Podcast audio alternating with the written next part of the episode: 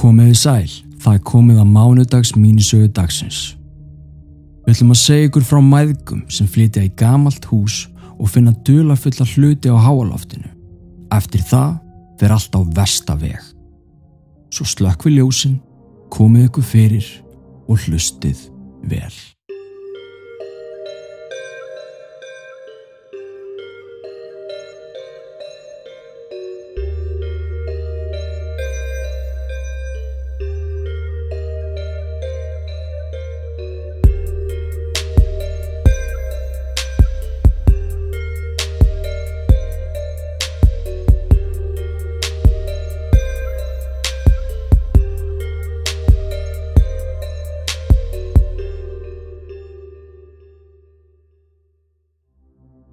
Þegar ég var 12 ára gömul þá skildu fóreldra mínir.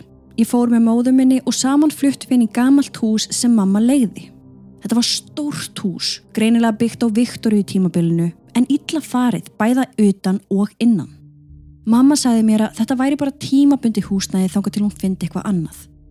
Fyrstu dagarnir í húsinu voru allt í lægi. En ég átti samt erfitt með að sopna á kvöldin og þegar ég loksinn sopnaði seint um nóttina fekk ég martraðir trekk í trekk.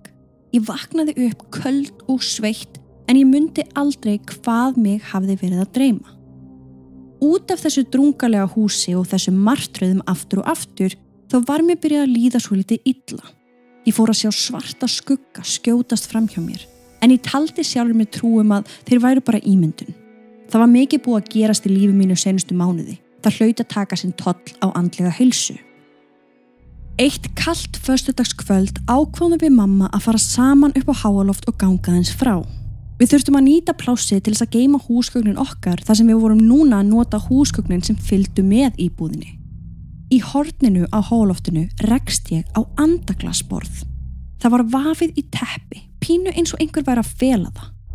Inn í teppinu voru líka svörtkerti og lítil bók þar sem var búið að skrifa alls konar texta eða ljóð. Þegar ég síndi mömmu hvað ég hafi fundið þá sá ég hvernig allt líf kvarf úr andliti hennar.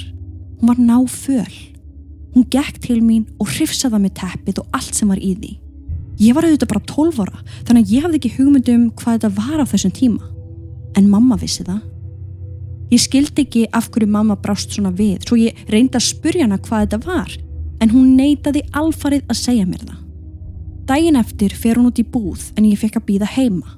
Þegar hún kom tilbaka var hún með litla gjöfanda mér. Þetta var lítill gullkross. Hún hafði keift annan alveg eins handa sjálfur sér. Á þessum tíma var ég sjálf ekkert opáslega trúið en ég sett hann á mig að því að þetta var falli gjöf. Þetta var á laugardegi og á meðan mamma hafi farið í búðina þá fekk ég Matti vinkonu mína í heimsók.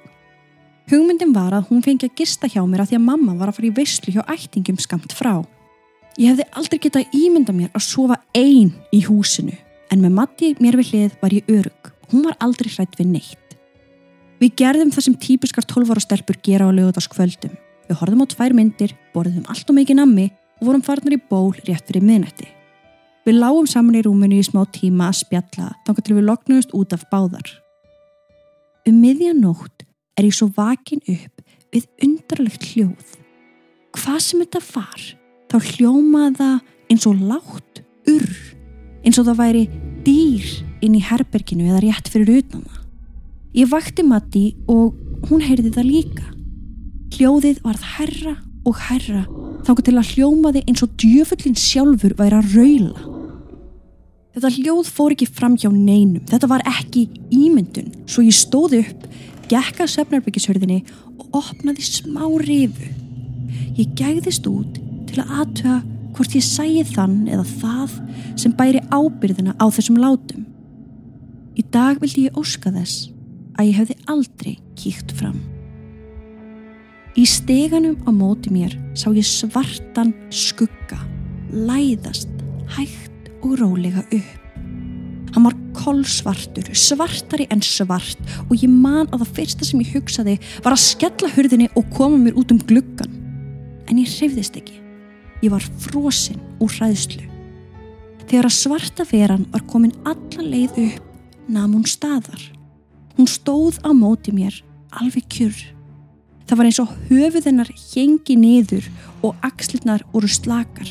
bakið örlíti bóið. Ég sá ekkert andlit, bara svartan massa sem hafði útlínur, svipaður og við. Síðan snýr veran höfði sínu hægt í áttina til mín og ég sé rauð augu stara í gegnum mig. Veran brosir breyðu brosi og ég sé ógeðslegar tennur byrtast.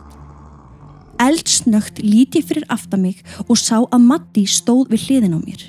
Hún var að sjá það sama og ég. Ég gleymi aldrei hræðslunni í augunum hennar og tárunum sem byrjaði að leka. Líkami minn var alveg stífur og höndin först á hurðarhúninum.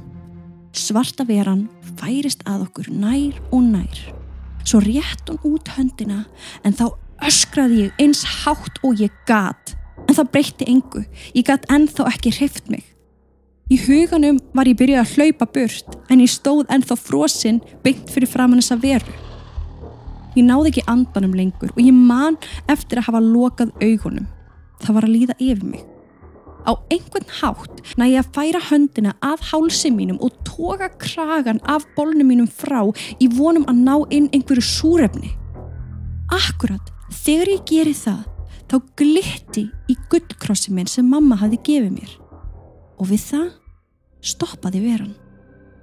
Matti greip í mig og tókaði mig inn í herbergi. Hún skellti hurðinni og saman settu við öll húsgögnin að hurðinni svo veran kæmist ekki inn. Við settum svo saman í hornið á herberginu og byðum. Húsið var alveg hljótt.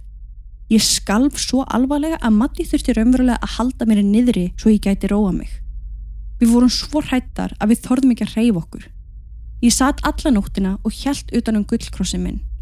Við sáum sólina koma upp en fljótlega eftir það sopnuðum við á gólfinu. Aðeins róleri þar sem það var orðið bjart. Við vöknuðum nokkrum klukkutímum setna þegar mamma kom heim. Ég opnaði hurðina og gæðist út á gangin. Ég bjóst alveg sviði að sjá svörtu veruna þarna fyrir utan en hún var horfin. Á parkettinu sá ég samt greinilega ríkug fótspor akkurat þar sem svarta veran hafi verið. Ég sagði mömmu hvað hafi gerst og við fluttum út sama dag. Við byggum á móteli þangar til við fundum annað húsnaði. Ég er 18 ár í dag og ennþá á hverjum einasta degi hugsa ég um þetta atvik. Þetta augnablík þegar ég starði í augun á djöflinum sjálfum.